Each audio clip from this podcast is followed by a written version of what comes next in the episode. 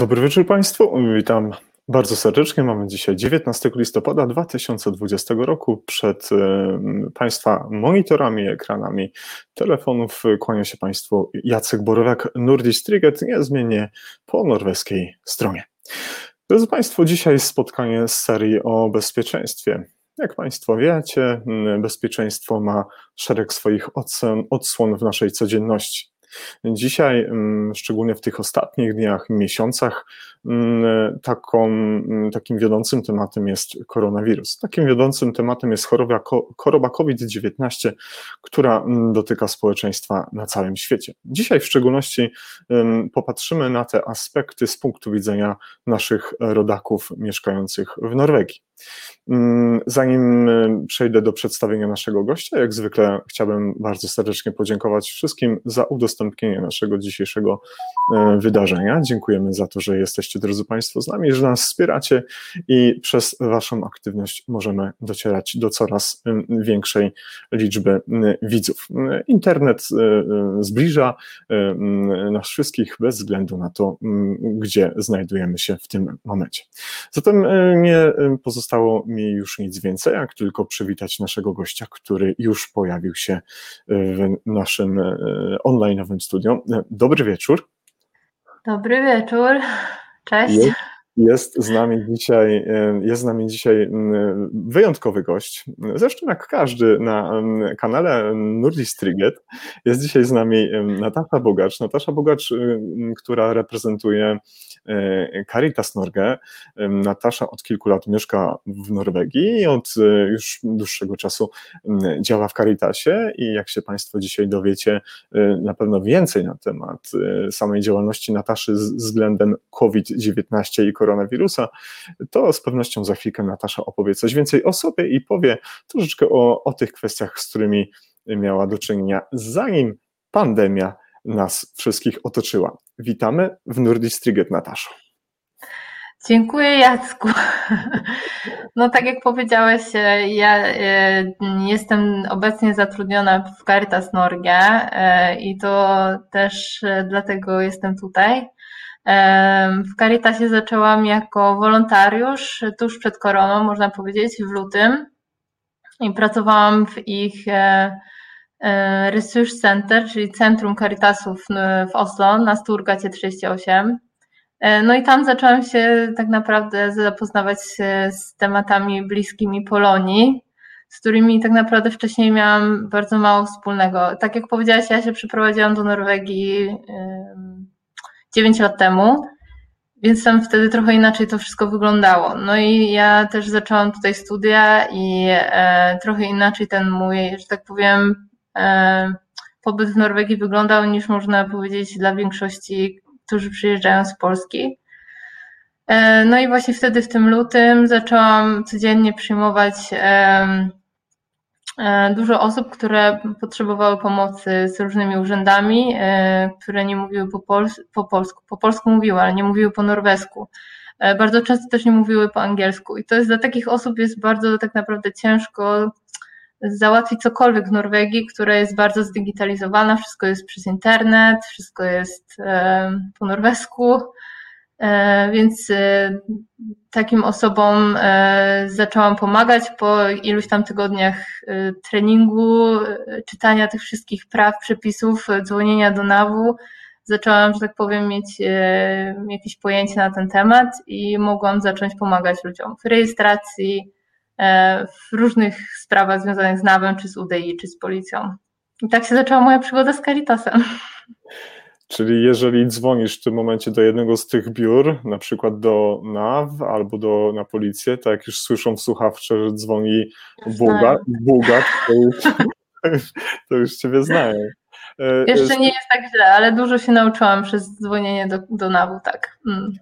Z tego miejsca pozwolisz, że po prostu podziękuję za Twoją pracę w imieniu wszystkich naszych rodaków, którzy mieszkają na terenie Norwegii, a w szczególności w Oslo, bo mają z Tobą taki często fizyczny kontakt. Teraz już może trochę mniej, bo, bo, bo pandemia, bo zasady dystansu społecznego i tak dalej, ale chciałem podziękować za Twoją pracę, jaką wykonujesz, bo z pewnością nie dzieje się tylko od 7 do 15, ale jak dzisiaj się okazało, jesteś bardzo zaganianą osobą i z pewnością byłaś rozrywana. Nie tak, y, zanim weszliśmy na antenę, rozmawiałaś z kimś o fajnym, ciekawym projekcie, o który zapytam za chwilkę, ale, ale, ale to mo, może nie chwilkę potrwa. Mm, y, tak. Dobrze. Mm, czym bezpośrednio, y, czy rozumiem, że zanim pojawił się COVID, to była Twoja codzienność, czyli załatwianie takich bieżących spraw naszych rodaków mm. i to był Twój chleb powszedni, rozumiem, tak? E, to znaczy, no e, tak, bo e, ja pracowałam w trybie, można powiedzieć, popołudniowym, więc jakby dni, dni załatwiania spraw, godziny załatwiania spraw miałam wolne, na tyle, że mogłam te cztery dni w tygodniu faktycznie być w centrum Caritasu i tak jak mówię, właśnie wydzwaniać i załatwiać. I, I tak było właśnie do momentu, kiedy nie musieliśmy centrum niestety zamknąć, bo pojawiła się, pojawiło się realne zagrożenie epidemiologiczne i taka padła decyzja, że e, no niestety nie możemy się dłużej narażać e, na zakażenie i musieliśmy przejść na tryb telefoniczny, niestety. Mhm. Czyli wygląda to teraz w ten sposób, że jeżeli potrzebuję pomocy kogoś z Caritasu, wyciągam telefon, numer oczywiście można znaleźć w internecie, wpisując Caritas Norge i tam pojawia się odpowiedni numer telefonu, dzwonię do Was i odbierasz Ty albo odbiera któryś z innych konsultantów i słucha i mówi, w czym mogę pomóc. Tak to rozumiem działa. Czy musimy napisać maila? To znaczy, no, można napisać maila, wtedy jakby mm, też e, łatwiej jest jakby go opisać, opisać całą sprawę na spokojnie od A do Z ze szczegółami. Y, można oczywiście go napisać po polsku, są polscy konsultanci. Ja muszę tylko jakby doprecyzować, że w tym momencie ja y, w centrum już nie pracuję, bo pracuję w innych projektach, ale no bywa oczywiście tak jak ty mówisz, że to jest takie trochę też płynne, jeżeli ktoś potrzebuje pomocy z czymś, no to y, zwracają się często też do mnie wciąż. E, ja cały czas staram się być, tak jak ty mówisz, e, na bieżąco ze wszystkimi zmianami, ze wszystkimi e, rzeczami, które są ważne dla Polaków w Norwegii. Mm. Ale tak, faktycznie ty, dzwoni się pod numer 23 33 43 61 i mówi się, że chce się porozmawiać z kimś po polsku. Jeżeli nie ma nikogo akurat wtedy, no to dostaje się wyznaczoną godzinę. Hmm. W godzinach między 10 a 16 od poniedziałku do czwartku. Pozwolisz, że zaraz wkleję w naszych, pod, w komentarze naszego wydarzenia jakby te namiary. Z pewnością są z nami Wkleję. Państwo, którzy będą chcieli zadzwonić, wysłać e, e-mail. Zajmę się tym za chwilkę. Oczywiście witam wszystkich, którzy są już zgromadzeni przed, przed e, te, e, telewizorami, chciałem powiedzieć. tak, no, teleodbiornikami. Teleodbiornikami, telemobilnymi telefonami i ekranami komputerów. Witam wszystkich. Mm, no dobrze, mm, jakieś kilka miesięcy temu, kiedy COVID zaczynał nabierać takiej dobrej prędkości, on się zaczął rozpędzać, jak wiemy, gdzieś w, w okolicy listopada, grudzień, grudzień, tam Azja i jak już się tak rozpędził około 12 marca, to doszło do lockdownu w Norwegii, jak większość świata zostało zamknięte. No i co? I w Caritasie ogłoszono alarm, tak. wszystkie ręce na pokład i co się wtedy stało takiego, że mm, musieliście się bardzo mocno przebranżowić, już nie mówiąc o bezpośrednich kontaktach z Polakami, ale jeśli chodzi o wasze zadania, tak. wszystko zostało skierowane na COVID, czy raczej było to podzielone na pewne osoby, a tobie przypadła ta, e, e, ta przyjemność pracy, pracy z covidowymi tematami? No to było faktycznie tak, że my staraliśmy naprawdę się trzymać, jakby trzymać centrum otwarte jak tylko się dało, to i tam i z tym płynem, i z tymi plexiglasami, E, no ale w pewnym momencie zarząd podjął decyzję, że no, jest ryzyko zbyt duże i naprawdę to, no bo kiedy my ma, znaczy my, ja mówię cały czas my, no bo mam na myśli Caritas, ale chodzi o to centrum. Ono jest um, tak zwanym Love Tashker Tilbud, czyli ono jest po prostu nie musisz nic robić, po prostu wchodzisz z, prosto z ulicy i dostajesz pomoc. E, I tak było jakby zawsze. E, jeśli, kiedy weszła korona, myśmy zaczęli ludzi rejestrować na konkretne godziny. To była ta pierwsza nowość, pierwsza jakby próba dopasowania się do nowej sytuacji. E, no a później jak to już nie mogliśmy przyjmować fizycznie ludzi, no to e, mm, trzeba było już dzwonić, niestety.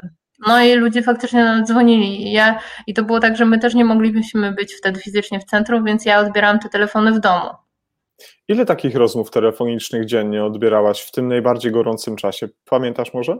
No nie, tak co około, nie wiem, jakbym miała, tak mi się wydaje, że z 10.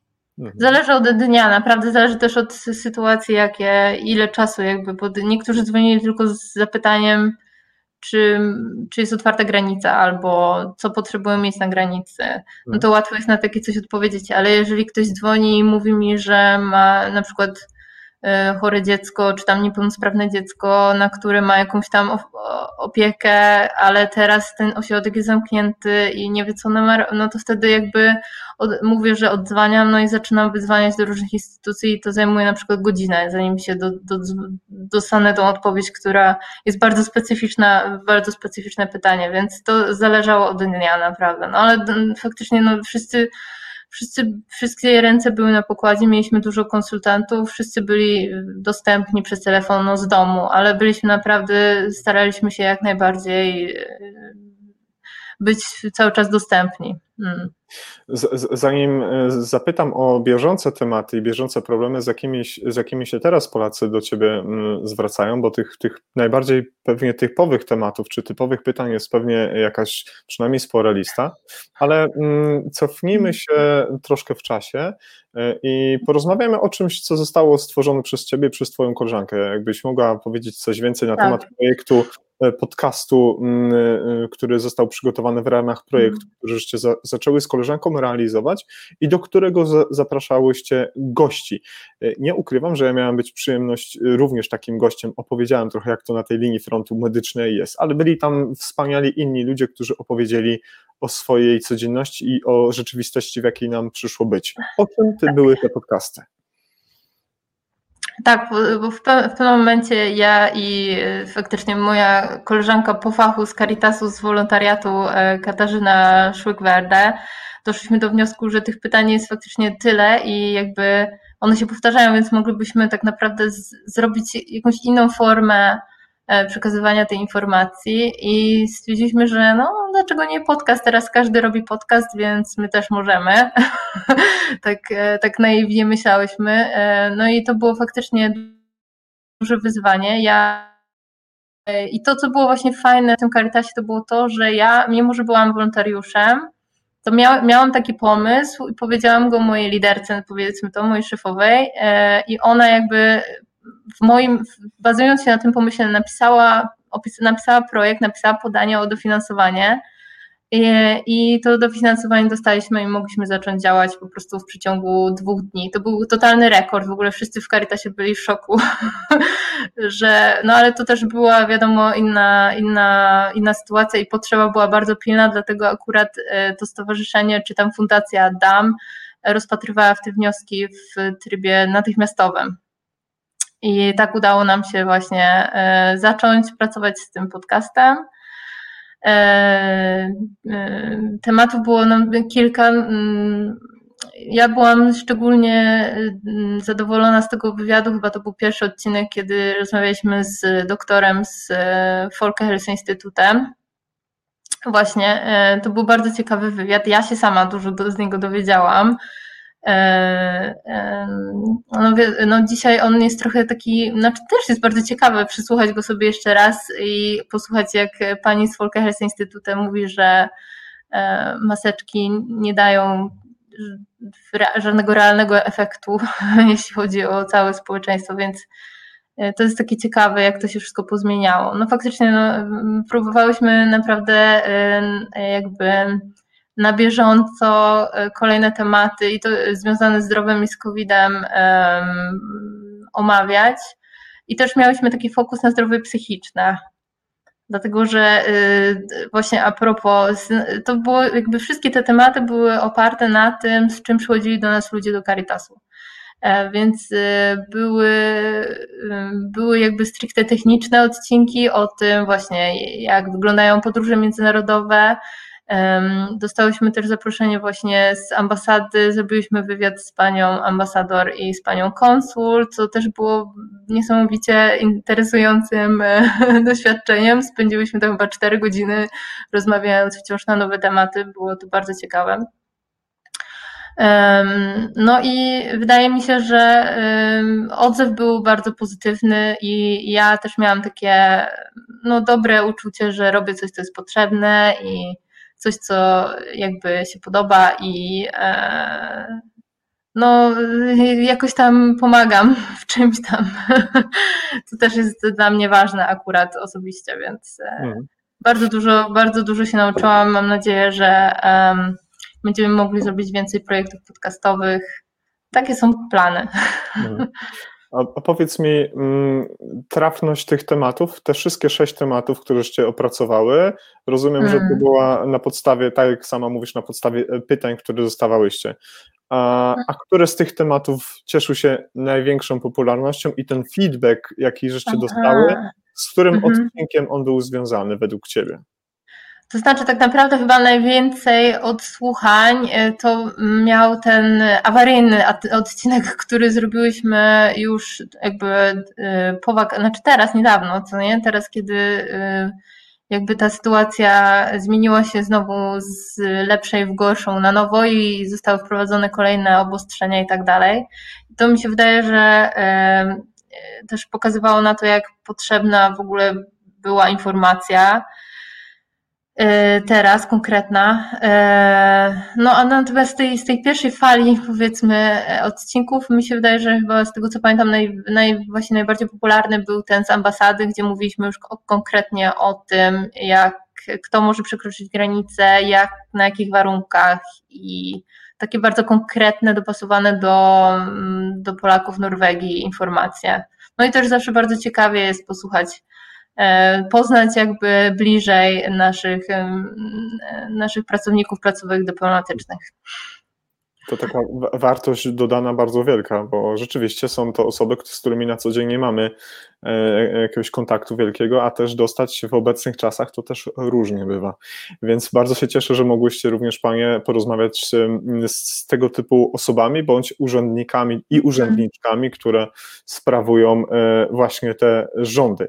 No dobrze, a w tym momencie, kiedy mogłabyś zrobić taki mały, małe podsumowanie z ostatnich tygodni, mm, jakie najczęściej mm. e, e, trafiają pytania do Ciebie poprzez e, Caritas Norge?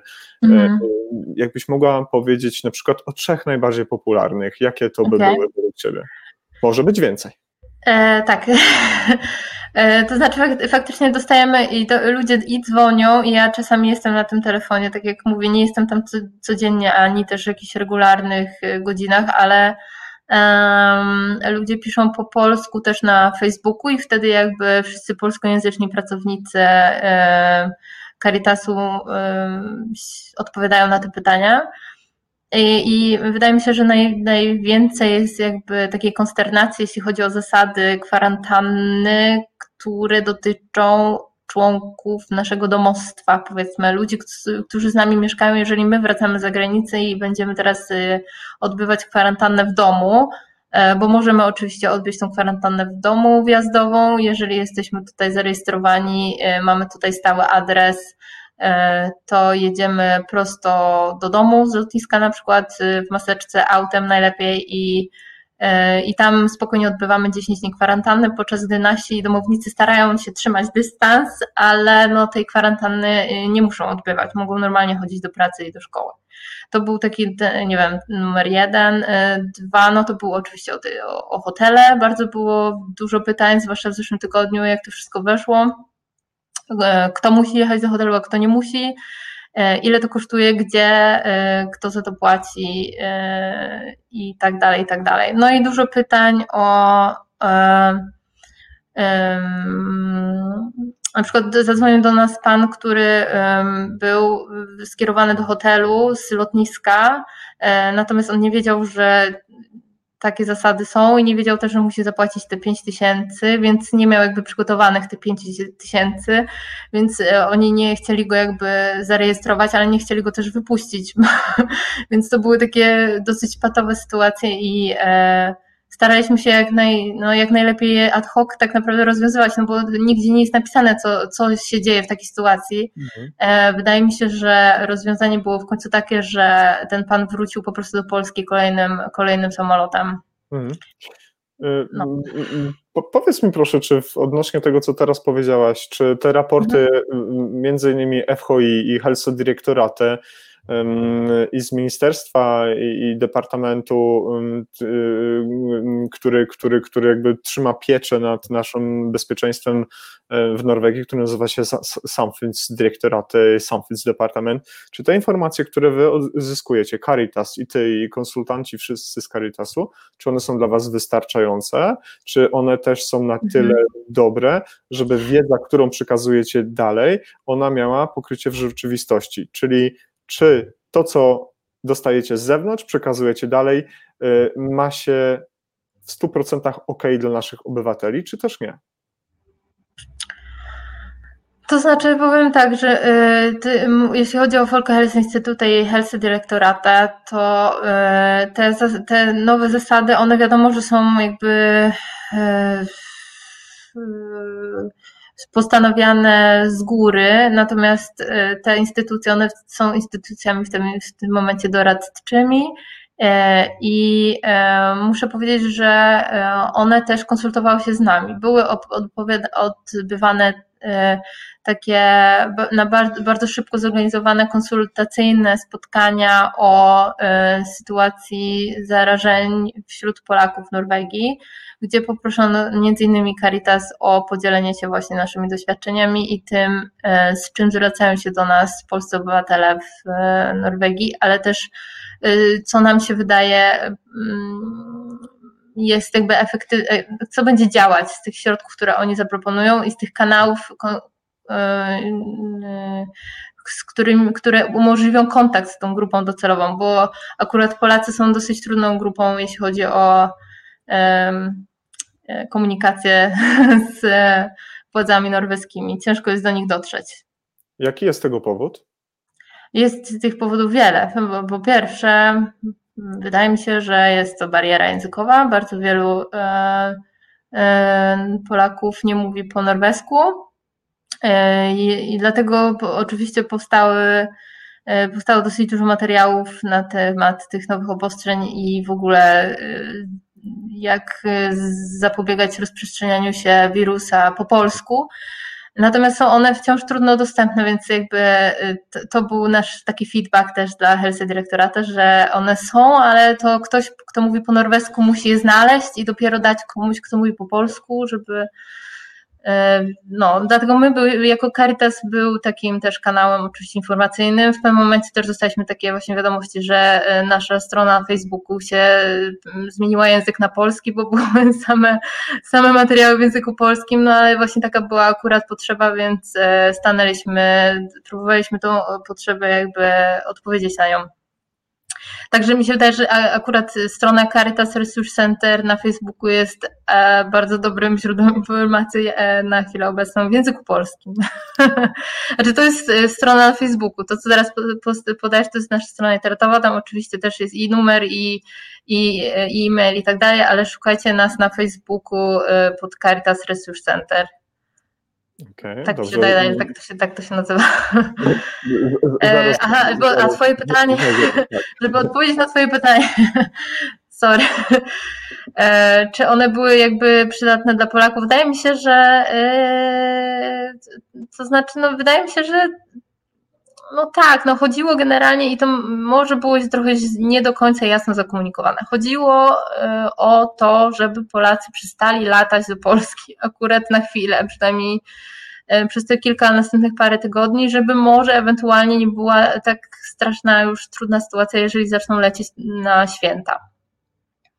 Dlatego moim zdaniem to było może trochę nie do końca jasno zakomunikowane, że właśnie taki był, ale taki o to chodziło, co nie? Nie, jeżeli nie musisz, nie jedź, przesuń ten lot, nie wiem, po prostu zastanów się 10 razy, czy naprawdę musisz lecieć. No oczywiście tutaj E, są różne sytuacje i ja wiem, że jest bardzo dużo osób w Norwegii, które mają rodzinę w Polsce. Jest bardzo dużo mężczyzn w Norwegii, którzy mają małe dzieci w Polsce i to jest naprawdę taka rozłąka z takim dwulatkiem e, na miesiąc czy na dwa. To jest przecież e, no, dosyć poważna sprawa i dla tego dwulatka i dla ojca, więc nie dało się tego jakby, wiadomo, że niektórzy dalej będą i ci, co pracują w rotacji, oczywiście to jest część ich pracy, żeby podróżować, ale i z tym obowiązkiem przedstawiania y, tego y, testu na COVID na granicy oraz y, jeśli chodzi o hotele kwarantannowe, chodziło o to, żeby ten ruch między Polską a Norwegią ograniczyć, osłabić, po prostu zdać, zniechęcić ludzi, o tak. Mhm. A myślisz, że Wasze prośby, czy wskazania właśnie w kierunku naszych rodaków takiego, takiego apelu, jeżeli możecie, jeżeli to jest tylko e, możliwe, ograniczcie w tym momencie swoje przemieszczanie między Polską a Norwegią. Przyniosły jakieś efekty, czy raczej odzew był niewielki, co było widać przez po prostu ilość pasażerów na, na lotnisku, czy w Torp, czy w Gardermoen? To znaczy, no akurat w ten, jak przeczytałam ten artykuł w ten wtorek o Polakach, którzy zostali zawróceni, tych pierwszych Polakach, którzy zostali zawróceni bez testu z torpu z powrotem, to tam było wspomniane o tym, że y, duża część pasażerów, y, która miała być na pokładzie tego samolotu z Krakowa, po prostu się nie zjawiła na ten lot, więc wydaje mi się, że część, y, część ludzi jakby zweryfikowała swoje plany, zwłaszcza jeśli chodzi o tę podróż do Norwegii zwłaszcza jeżeli też na przykład e, zorientowali się, że nie są tutaj zarejestrowani e, i nie zdążyli zrobić testu albo nie chcą płacić za ten hotel covidowy, więc zmienili swoje plany. Ale no, ja chcę w to wierzyć i znam ludzi, którzy tutaj są w Norwegii i nie byli w ogóle w Polsce w tym roku E, znam też ludzi, którzy musieli jechać i pojechali, no bo musieli. E, no a znam też ludzi, którzy mają czwórkę małych dzieci, no i nie oceniam i rozumiem, jakby to jest bardzo ciężka sytuacja i dla nich, i dla rodziny, i w ogóle dla wszystkich. E, no i teraz akurat to, co można jeszcze skomentować, to to może, że jeżeli w tym momencie taka rodzina chciałaby się przenieść do Norwegii, E, bo już stwierdzili, że dobra, faktycznie jest taka sytuacja, że jest ciężko teraz podróżować, więc się chcemy wszyscy przenieść, no to mają też trochę utrudnione zadanie, co nie? Więc e, jakby rozwiązanie e, tego, tych ograniczenia tych lotów by było, jakby oni wszyscy mieszkali w Norwegii, nikt nie musiałby latać, no ale teraz akurat ta przeprowadzka teraz będzie troszkę bardziej utrudniona, zwłaszcza, że dalej nie udało mi się znaleźć informacji co do ile za hotel kwarantannowy płaci się za dzieci. Mhm. Ale mam nadzieję, że nic. Albo przynajmniej mniej niż 5 tysięcy. Rozumiem. A powiedz mi, jak gdybyśmy mieli teraz przeanalizować, y, jakie największe problemy powstaną w takiej sytuacji, kiedy ktoś na przykład w tym momencie mhm. decyduje się na zamieszkanie w Norwegii, na przeniesienie na przykład do Oslo, do Bergen, do, do Trondheim, do tych największych skupisk y, ludzkich. Jakie największe będą problemy? Czy to będą tylko i wyłącznie kolejki i czas oczekiwania do UDI, do, na policję, na, w te miejsca, czy jeszcze z czymś powinniśmy coś jeszcze mieć z tyłu głowy? No, to jest w ogóle e, dobre pytanie, dlatego że w ogóle z uwagi na sytuację w Polsce e, w, zaczęłam dostawać takie zapytania od moich znajomych. czy fajnie się żyje w Norwegii, czy wystarczy być angielskim, um, um, bo więcej teraz ludzi faktycznie rozważa wyjazd.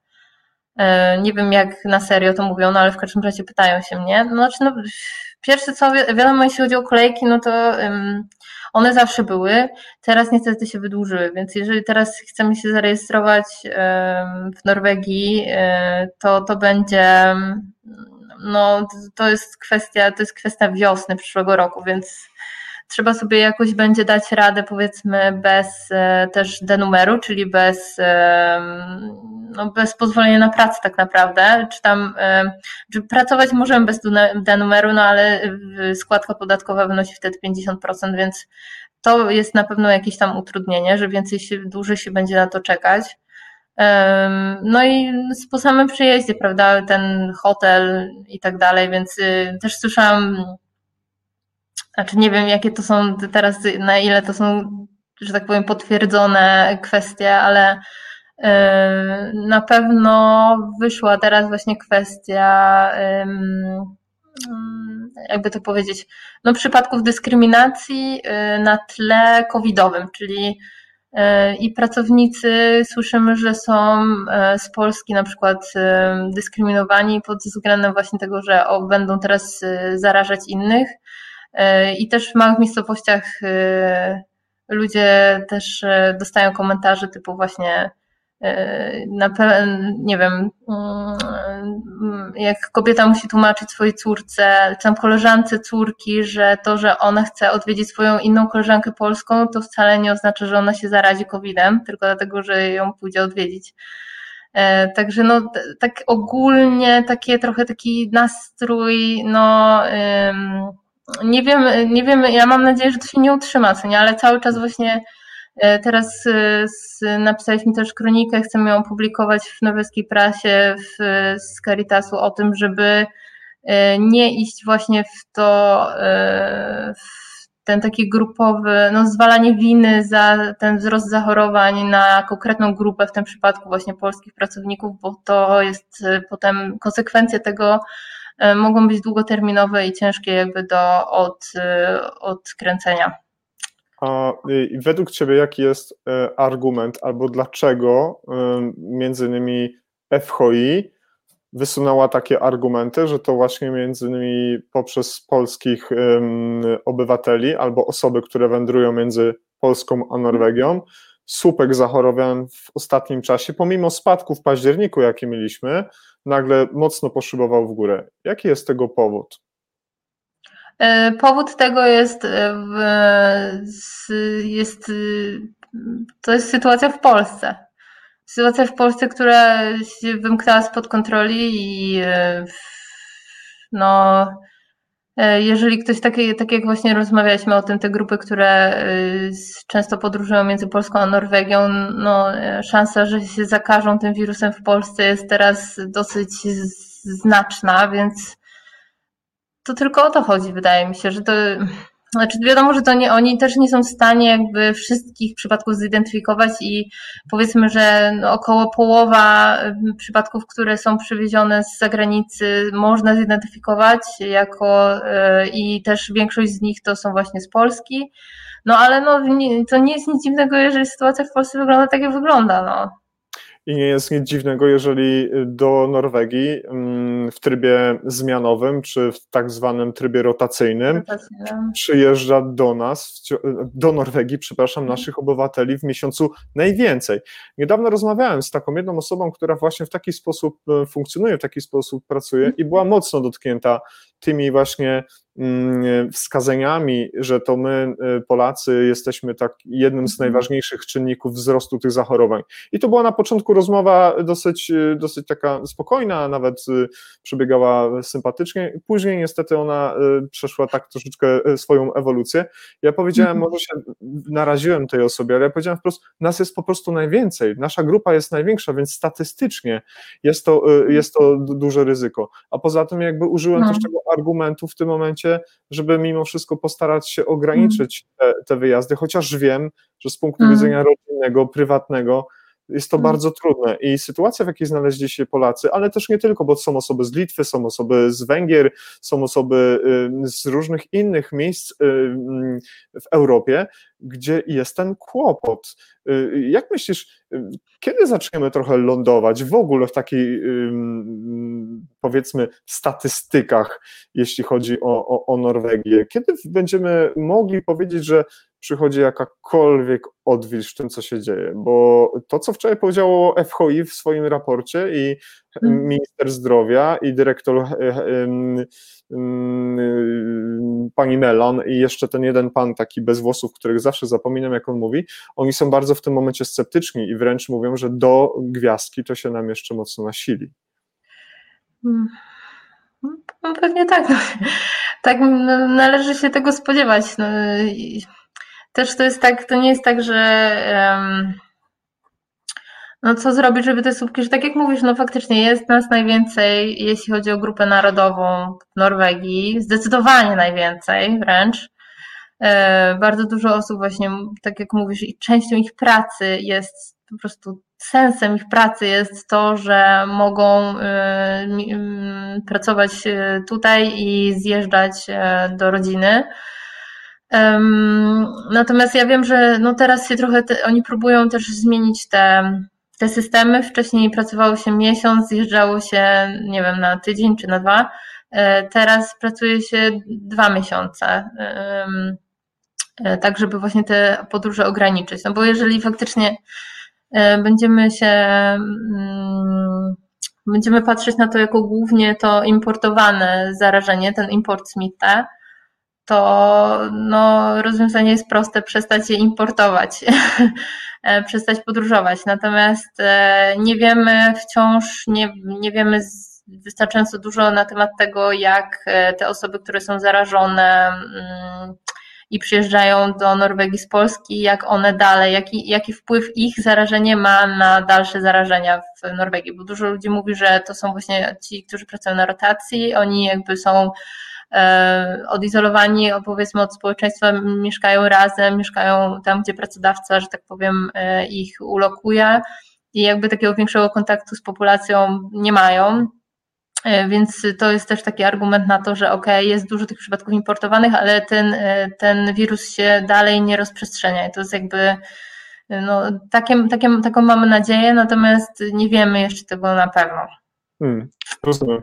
Chciałbym jeszcze wrócić do mm, Twoich podcastów, Waszych podcastów. Mm, I szóstym tematem był, jak pamiętamy, osoby w sytuacji kryzysowej, o czym już dzisiaj troszeczkę wspomniałaś. Gdybyś, tak. tak. I czy, czy, czy y, może nie zachęcamy do tego, żeby odwiedzić stronę, którą myślę raz za chwilkę pokażemy, gdzie te podcasty mm. wszystkie można przesłuchać. I to są mm. naprawdę bardzo wartościowe informacje. Ale teraz, kiedy słyszysz po tych miesiącach, bo podcasty były realizowane praktycznie od y, wiosny przez mm. lato. Ale teraz, kiedy tak, od kwietnia, kiedy teraz słyszysz o takim temacie, osoby w sytuacji kryzysowej i mm. patrz dzisiejszą sytuację w Norwegii, jaką mamy. Jakbyś mogła raz jeszcze opowiedzieć o takim podcaście w kilku zdaniach, co ewentualnie można byłoby dopowiedzieć? No tak, to znaczy jak ja piszę osoby w sytuacji kryzysowej, no to mam na myśli osoby polskiego pochodzenia, powiedzmy, w sytuacji kryzysowej, więc e, na pewno jest jakby e, e, różne są sytuacje różnych osób w Norwegii, ale tutaj widzimy, tak jak mówię, właśnie pewien, że tak powiem, wzrost przypadków osób wykorzystywanych na rynku pracy, no bo teraz wiemy, że sytuacja na rynku pracy się dosyć diametralnie zmieniła, pogorszyła, więc e, e, można, że tak powiem, łatwiej stracić tą pracę, którą się ma i trudno jest znaleźć nową pracę, powiedzmy, więc jakby tutaj obserwujemy dosyć e, no, więcej tych przypadków ludzi, którzy e, dostają, zostają zwolnieni, zostają, nie wiem, nielegalnie też zwolnieni, zostają, e, są rekrutowani do pracy, ale na czarno, bo teraz właśnie e, ktoś mi chyba w zeszłym tygodniu powiedział, że nie, że nie ma problemu w ogóle w tym, żeby znaleźć pracę, tylko że tu będzie praca na czarno. No więc e, tego, to jest wiadomo, nie, nie, no nie chcemy takiego rozwiązania, ale ja też rozumiem, że jeżeli jest się w trudnej sytuacji i to jest jedyne rozwiązanie, no to w ogóle się tym ludziom nie dziwię, że podejmują się tej pracy na czarno, jeżeli y, są w dziesięciu bemaningach i cały czas słyszą, że nie ma pracy, nie ma pracy. E, no natomiast y, może jeżeli oni nie są w, znaczy są w pewnym sensie w kryzysie, jeżeli muszą faktycznie nie mają wyjścia, muszą podjąć pracę na czarno, natomiast są też y, o wiele bardziej narażeni na znalezienie się w jeszcze większym kryzysie. Więc to jest jakby ta grupa, która na naszych oczach rośnie, wydaje mi się. Mhm. Też rozmawiałam o tym z Aleksandrą Czech z Migration Center, e, i o, bo Migration Center to jest tak naprawdę e, no, Caritas zamknął, natomiast Migration Center, e, oni walczyli, cały czas walczą o to, żeby faktycznie być być do, otwartym i dostępnym, oni przyjmują i my też zresztą przyjmujemy faktycznie, jeżeli jest faktycznie sytuacja kryzysowa, to przyjmujemy fizycznie E, ja też miałam takie konsultingi, znaczy miałam wajlednik dla ludzi fizycznie teraz, mimo że jest korona. Natomiast Migration Center oni cały czas, że tak powiem, mieli no, otwarte, więc Ola też na pewno bardzo dużo mogłaby tutaj powiedzieć na ten temat. I to właśnie od niej e, miałam też takie informacje o tym, że właśnie e, ten nieoficjalny, że tak powiem, rynek zakwitł. Mhm. Ja po, pozwolę, że później po programie mm, mm, podasz mi może namiary albo miejsce, gdzie to się znajdzie. Ja w takim e, poście za, za, zamieszczę to na, na profilu Nurdistriget, tam żeby ktoś, kto będzie chciał znaleźć informacje, pomoc, e, żeby mógł się bezpośrednio e, tam zgłosić. Mam nadzieję, że pani Ola która z pewnością wykonuje ogromnie dużą ilość pracy, znajdzie też jeszcze chwilkę czasu na takie szcz szczególnie kryzysowe sytuacje, bo chyba tak. one są najtrudniejsze, bo wszystko to, co się dzieje, powiedzmy takie w takim stabilnym trybie, że my wiemy, że za parę dni będzie zamknięcie lotów, czy będzie lockdown, to możemy się do tego przygotować. Wiemy hmm. dobrze, że sytuacje kryzysowe są najgorsze. Hmm. Dużo wiemy, co się złego stało przez y, y, koronawirusa, przez chorobę, jaką on wywołuje, jakim jest COVID-19. A ja mam takie pytanie, które często gdzieś tam y, zadaję pośród moich znajomych, kolegów, koleżanki w pracy czy w rozmowach towarzyskich, których nie ma ostatnio za dużo takich na żywo, ale rozmawiając sobie przez internet czy może wiesz, albo może yy, mogłabyś powiedzieć, co dobrego w Twoim przekonaniu, co dała nam dobrego pandemia? No bo yy, padło parę rzeczy, o których opowiedziałaś i ja zaraz je rozwinię, ale gdybyś takie yy, na przekór y, postawione pytanie mogłabyś jakoś udzielić odpowiedzi, chyba że uważasz, że nic nas to dobrego y, nie, nie dało. To znaczy, ja też mogę zupełnie tak powiedzmy nieoficjalnie powiedzieć, że E, mamy wszyscy teraz nadzieję, ci, którzy, tak powiem, robią w tym biznesie e, pomocowym, że coś się teraz ruszy, że faktycznie, że tak powiem, no, norweskie władze zauważą, że ten rachunek, który płacą za mm, brak jakikolwiek inicjatyw, nie jakikolwiek, no ale brak wystarczających środków na integrację pracowników zarobkowych w Norwegii, ten rachunek teraz wzrósł znacząco, bo faktycznie to, że e, te osoby nie, nie są zintegrowane w system informacyjny, nie, nie, jakby nie śledzą tego, co się dzieje w Norwegii, bo też nie mają do tego, że tak powiem, możliwości językowych na przykład, E, to teraz właśnie pokutuje tym, że e, nie wiedzą, jakie są zasady e, i kwarantanny i tak dalej, więc jest o wiele trudniej jakby zapanować nad rozprzestrzenianiem się tego wirusa, jeżeli ludzie nie wiedzą, jak się mają jakby dostosować do sytuacji. I też właśnie wszyscy mamy taką cichą nadzieję, że ta dziura, która naprawdę zieje takim przeraźliwym otchłanią, w, jeśli chodzi o y, właśnie integrację y, pracowników zarobkowych, zostanie teraz chociaż trochę no, zauważona przynajmniej i że będziemy o tym mówić i że będziemy o tym mówić głośniej i że Polacy będą o tym mówić i że y, będziemy lepiej słyszalni, no bo faktycznie teraz teraz to jest temat na, na, na pierwszych stronach wszystkich gazet, prawda, więc więc teraz, żeby tylko jakby skierować uwagę do tego, że no może faktycznie gdyby pracownicy e, zagraniczni dostawali ofertę e, darmowego kursu językowego, tak jak to dostają w Szwecji, tak jak to dostają w Danii, to też czuliby się tacy trochę bardziej może mile widziani, może by bardziej faktycznie dochodziło do nich, że nie przyjeżdżają tutaj na pół roku czy na rok, tylko faktycznie zostaną tutaj na dłużej i że w, i w interesie ich i całego społeczeństwa jest to, żeby, e, żeby i mówili po norwesku i byli zorientowani w e, sytuacji w Norwegii. Tak, dotknęłaś tego, e, tak.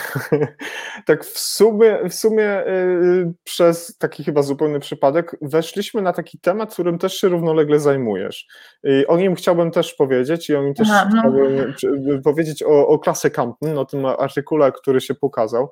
Mm, ale, ale zanim to, to ja chciałbym się ciebie zapytać, bo przed chwilą powiedziałaś ciekawą rzecz. Właśnie może to doprowadzić do tego, że tak jak w, w Szwecji czy w Danii Polacy mogą liczyć na powiedzmy darmowe kursy językowe, żeby się szybko nauczyć języka, szybko się asymilować i szybko być nierozerwalną częścią społeczeństwa norweskiego, a, e, e, duńskiego czy szwedzkiego, a w Norwegii tak nie jest. Powiedz mi, ja tego też doświadczyłem. Dlaczego właśnie przez lata nadal tak jest, że nasi rodacy nie mogą uzyskać takiego elementarnego wsparcia, jakim jest porządny, fachowy, e, dobry, ciężki kurs językowy, za który zapłacili państwo norweskie. Dlaczego? A tak, inne kraje ja, ja wiem, wiem.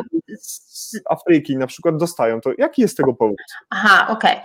No generalnie to nie jest tak, że ludzie z Afryki dostają te kursy, tylko e, uchodźcy dostają te kursy, faktycznie, bo to jest jakby właśnie to, o czym też e, tylko, że to jakby nam nie chodzi, nie chodzi o, bo jeżeli jesteś uchodźcą w Norwegii, chroni cię prawo międzynarodowe, masz pewne prawa z tego wynikające. Jednym z nich jest właśnie e, w Norwegii też bardzo mocno krytykowany, tak a propos, e, ten e, jakby program introdukcyjny, tak to, to się nazywa, więc przez dwa lata, znaczy obecnie to jest teraz zmieniane, on będzie bardziej elastyczne, dostajesz właśnie kursy językowe, kursy wiedzy o społeczeństwie i nie wiem, jakieś tam jeszcze, potem, potem można też oczywiście e, dostać, iść dalej do szkoły, jeżeli ktoś nie ukończył szkoły podstawowej, czy i tak dalej, i tak dalej.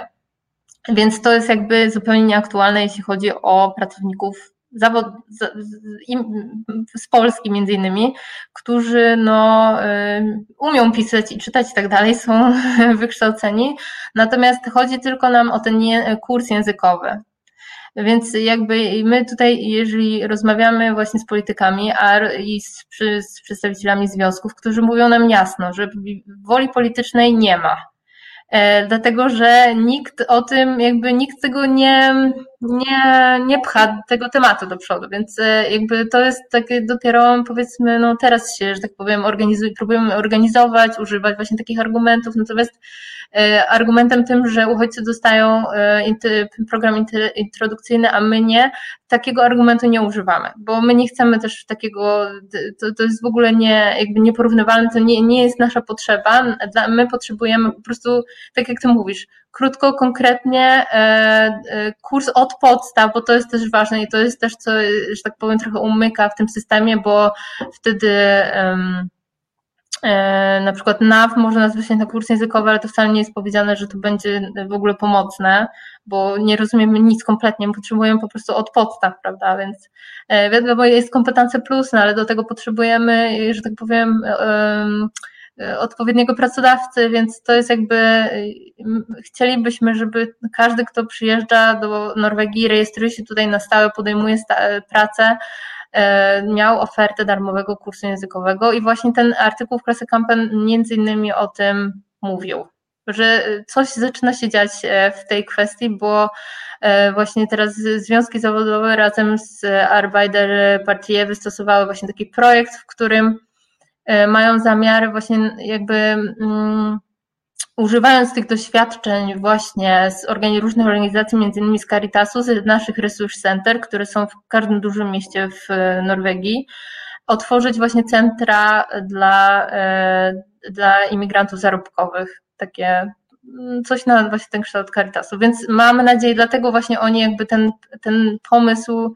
zaprezentowali prasie u nas e, w naszym biurze i mieliśmy takie krótkie spotkanie i nad, nad tym, dlaczego to jest potrzebne i, i jakby to można było zrobić.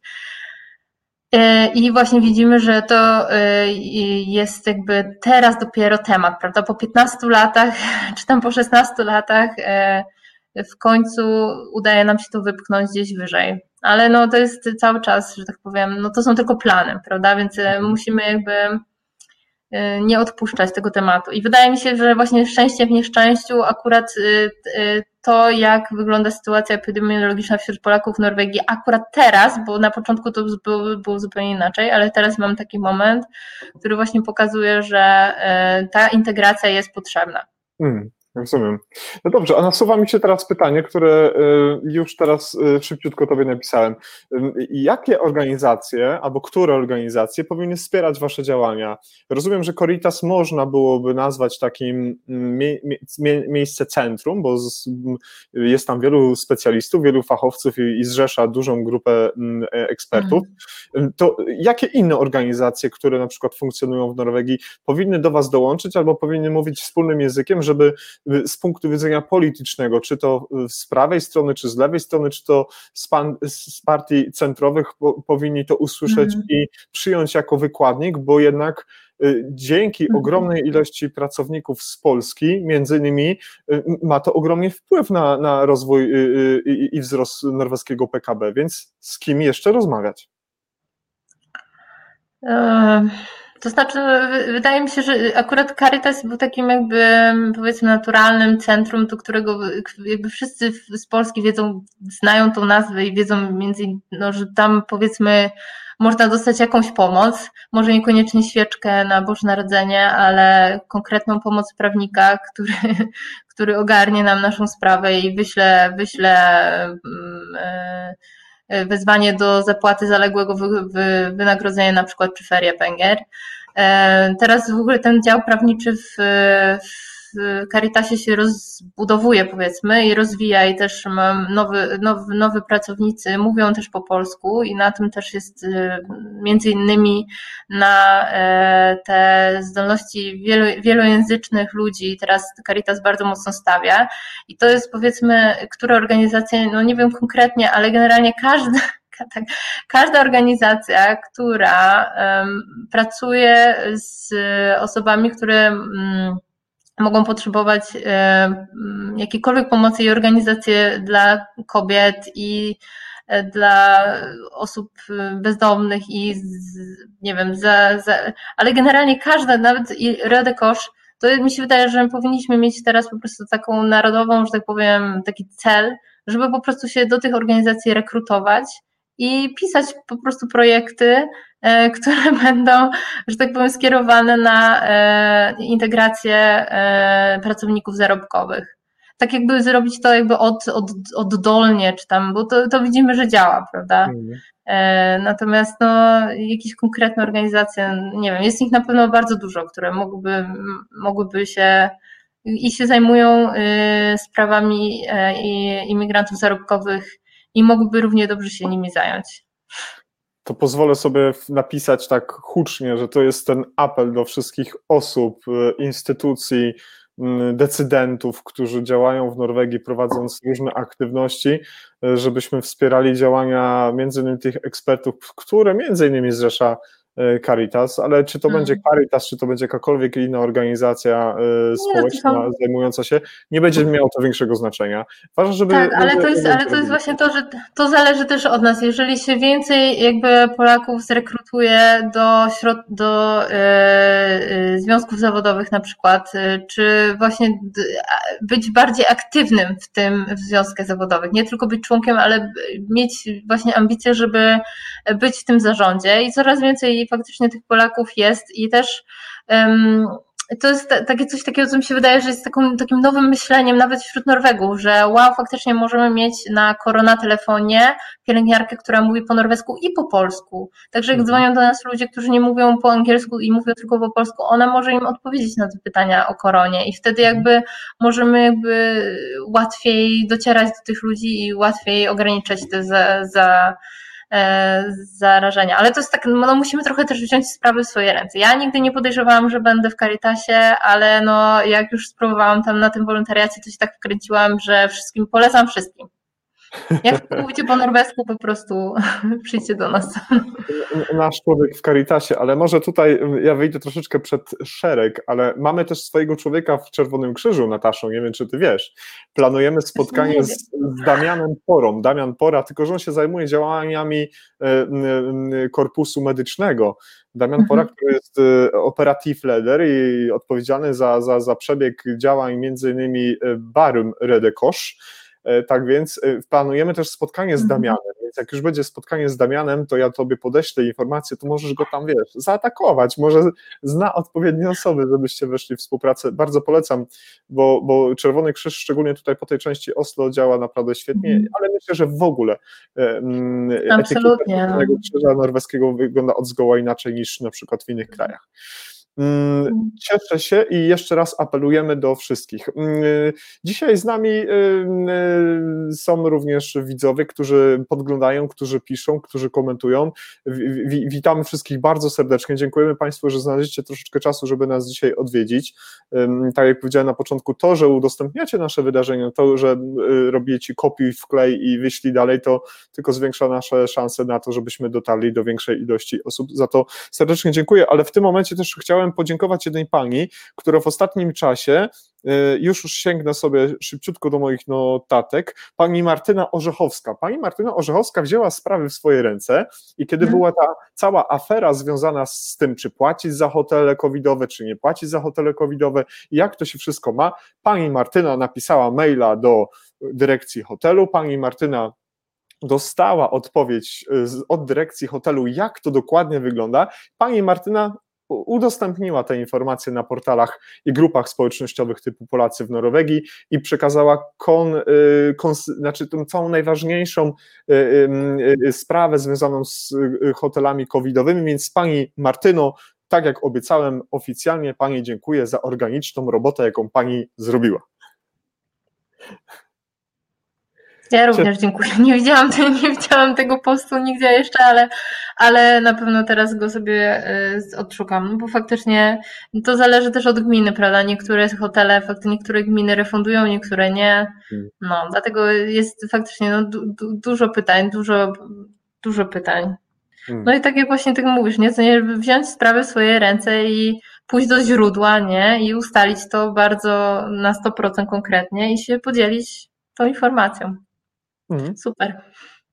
E, dobrze, mm, Nataszo, a powiedz mi proszę, jak w tym momencie na tą chwilkę, może już poniekąd odpowiedzieliśmy na to pytanie, mm, jak y, y, teraz oceniasz sytuację z koronawirusem? E, masz dużo doświadczeń, zgromadziłaś tych, tych doświadczeń e, bardzo wiele od kwietnia przez całe wakacje i całą ewolucję pierwszej fali spadku, drugiej fali spadku i obecnego wzrostu.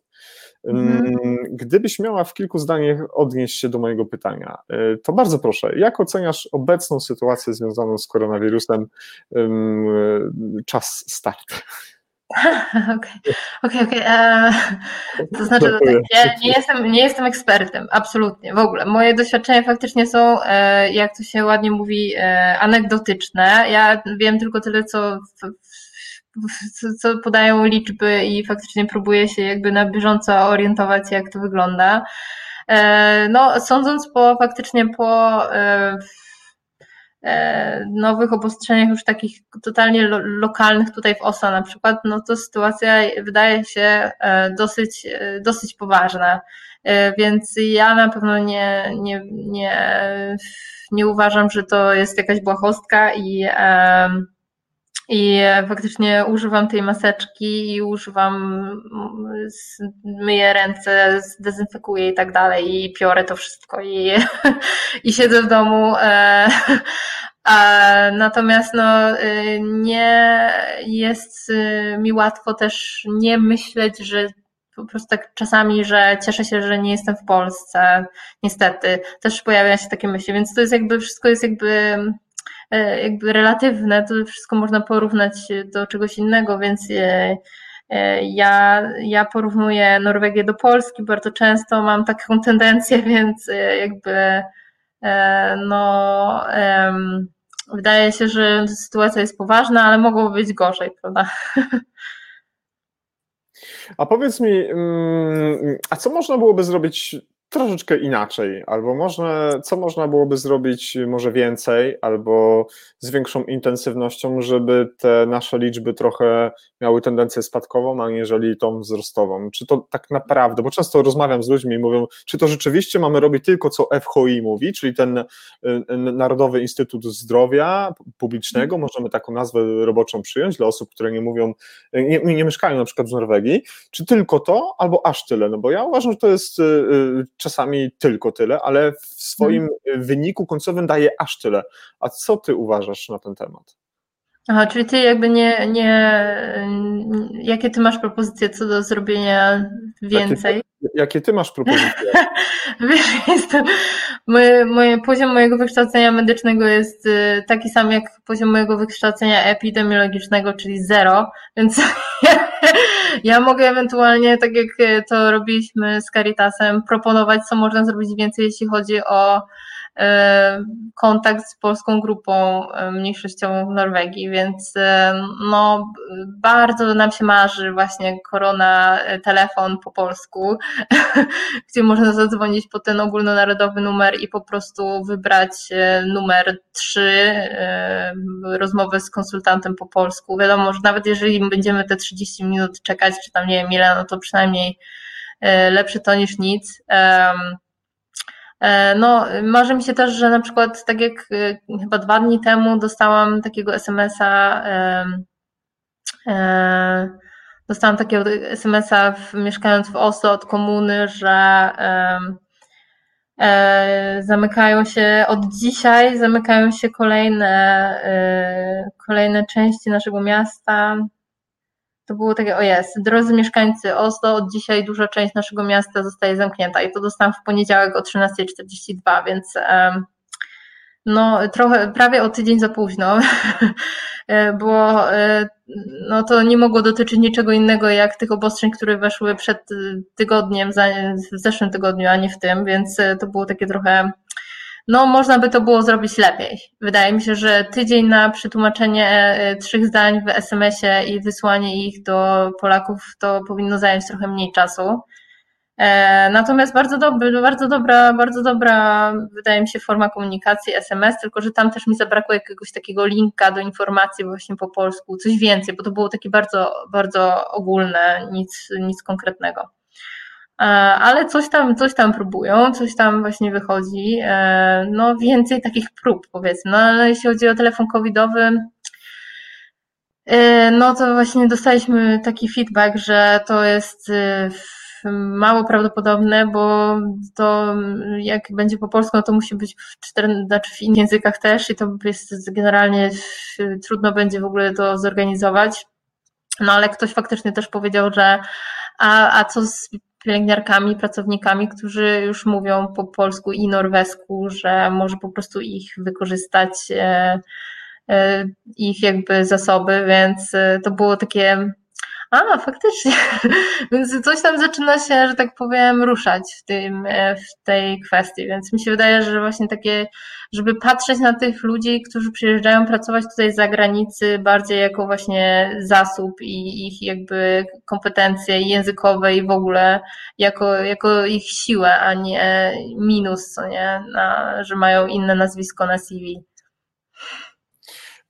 Po, pozwolisz, że odnośnie telefonu covidowego wkleję, mhm. taki, wkleję taki komentarz, który zamieściła niedawno na grupie norweskiej w ochronie zdrowia Miłka, którą serdecznie pozdrawiamy. Miłka jest e, psychologiem, która, e, która psycholożką, przepraszam, psycholożką, która pracuje tutaj w Norwegii, która zajmuje się te, tego typu, tego ty, wieloma sprawami związanymi jakby z społecznością i może nie, nie, nie całość, ale mm, y, praca szuka człowieka, takie, taka była informacja i Miłka tam napisała, że bardzo są potrzebne osoby, które znają polski i norweski do mapowania kontaktów osób zarażonych w Oslo Komunę, w gminie tak, Komunę. Tylko to, to jest co innego. Mhm. Tak, to, to właśnie chciałem, żebyś teraz rozróżniła, czy telefon covidowy okay. to jest to samo, o czym pisze teraz Miłka do nas, czy pisała, czy to są dwie różne sprawy, bo ja już się trochę pogubiłem. To znaczy nie, no z tego co mi się ja teraz, bo Miłka też była na tym spotkaniu z, z FHI i z Helsy Dyrektorate i i to właśnie jakby między innymi przez jej wiedzę na temat pracowników medycznych z Polski w Norwegii pojawił właśnie się taki pomysł zrekrutowania ich do, e, do tego, tego, że wydaje mi się, że tam było tak, że i oni szukają i do e, te, korona telefonu, czyli tego, e, tej infolinii, na której się dzwoni i zadaje się pytania, ale także właśnie do, tym, do tego team, Smith Spuring Team, czyli do po prostu ludzi, którzy dzwonią do osób, które zostały podane jako NAR kontakty, bliski kontakt z osobą zakażoną i przekazują im właśnie te informacje, że jest pan e, wymieniony na liście tych bliskich kontaktów i proszę udać się na kwarantannę bo faktycznie no, te kwoty, które e, były wydawane na tłumaczy i to w ogóle cała organizacja tego, że jak dzwoni pielęgniarka do kogoś, kto nie mówi po, kto mówi tylko po polsku, to musi być przy tym i tłumacz na tym telefonie, E, więc to jest trochę takie ciermiężne, czy jak to się nazywa, więc e, oni stwierdzili, że a może by było lepiej, jakby ta pielęgniarka, znaczy ten ktoś, to nie musi być osoba, która jest z wykształceniem medycznym, tutaj akurat może się zgłaszać każdy, kto mówi po norwesku, mhm. e, że po prostu on będzie dzwonił do Polaków, dostaje listę z Polakami, jeżeli mówi po polsku i to, to jest jakby łatwiejsze do zorganizowania. Ale my też cały czas stwierdzimy, że E, można by było na infolinię też dać kogoś, kto mówi, no tylko, że tutaj już jest trochę trudniej, no bo kto tak naprawdę z wykształceniem medycznym pracujący w zawodzie ma tak naprawdę teraz zwłaszcza czas na to, żeby żeby, żeby dodatkowo jeszcze pracować na tej infolinii, więc tutaj trochę będzie chyba, może być ciężko kogoś znaleźć. Natomiast na Smith Spooring mam nadzieję, że zgłosi się dużo osób, no bo tam nie trzeba mieć wykształcenia medycznego. Hmm. Ja Też ważna praca. Mhm. Tak, tak, oddaję, podajemy tutaj link do ogłoszenia, który został zamieszczony właśnie przez Miłkę. Miłka, bardzo serdecznie Tobie dziękuję za, za, za, te, za te kwestie. Dotyczy to osób e, dwujęzycznych, więc mam nadzieję, że nie, nie mieliście Państwo problemu z tym, żeby odczytać to, co było w wcześniejszym e, komentarzu, który pojawił się tutaj w tym momencie. E, całość ogłoszenia jest na WebCruiter zamieszczona, więc wszystkie te osoby, które byłyby zainteresowane tego formą współpracy, proszę wejść na na, na ten link, ja już go w komentarzu napiszę i te wszystkie osoby, które miałyby ochotę i czas i możliwości do tego, żeby wesprzeć tego typu formę mm. Pomocy, zapraszamy do, do, do, do takiego działania, bo ono jest mm. no, bezcenne.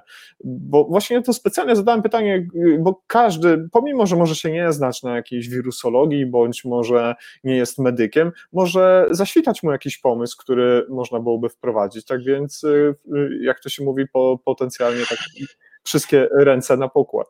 Także tak. No zgadzam się, faktycznie, no ale to, tak jak ja mówiłam, naj, najwięcej się skupialiśmy akurat na tej kwestii, jak e, oczywiście to też ma cel jeden, co nie jest obniżenie, obniżenie tych liczb osób zakażonych, mhm. natomiast no e, czy, czy jak, jakie jeszcze obostrzenia, czy coś takiego, nie wiem, czy zamykać granice, czy nie, nie wiem, ale wydaje mi się, że informacja by była super przede wszystkim. Mm. I naprawdę nie, nie, nie, nie, nie jest to takie aż trudne. Jeżeli faktycznie się za to zgłoszą się ludzie, którzy mówią po polsku, no to wtedy jest y, przynajmniej chęć wykorzystania i faktycznie ludzie widzą, widzą potrzebę, że potrzebujemy teraz właśnie dwujęzycznych hmm. osób. Hmm. A powiedz mi proszę, y, y, troszeczkę znowu y, nawiążę do tego mm, wcześniejszego mm, wątku w naszej rozmowie, mm, bo też mi się gdzieś to, to zaświeciło w głowie. Jak jesteście traktowani jako Caritas, jako organizacja, czy jakakolwiek inna organizacja, która wykonuje podobne zadanie, jak jesteście postrzegani przez władze Norwegii? No bo wiemy, że, że to jest różnie, a jak to rzeczywiście wygląda tak na, na, na, na żywo, na żywym organizmie? Czy czujecie to tak zwane stete, że jest wsparcie i w ogóle, czy raczej no to tak, okej, okay, jest sobie jakaś tam organizacja, która wspiera ludzi i, no i sobie są. Jak to wygląda? Nie, no mi się wydaje, że akurat Caritas nie może narzekać, bo mam naprawdę bardzo fajną, znaczy bardzo dobrą pozycję, wydaje mi się i e, faktycznie jesteśmy też postrzegani jako taki dobry kanał informacyjny, jeśli chodzi o y, imigrantów. Y, mamy też dobre wyniki, jeśli chodzi o y, znajdywanie osobom poszukującym pracy, które mają właśnie trudności na rynku pracy w Norwegii, pracy. Więc ma, mamy też takie właśnie programy, które bardzo, jak się okazuje, skutecznie łączą ludzi z, z imigranckim, powiedzmy, backgroundem, z, z pracodawcami, którzy szukają właśnie takich osób. E, więc za to jest na pewno jesteśmy cenieni, tak wydaje mi się. E, natomiast no, jesteśmy, zapraszamy nie do różnych właśnie, na różne spotkania, do różnych grup eksperckich, przedstawiciele z Caritasu akurat y, właśnie jeśli chodzi o komunikację z grupami mniejszościowymi, wydaje mi się, że e, wykorzystują nas w dobry sposób, wykorzystują nasze kompetencje mm, bardzo dobrze. No i wiadomo, że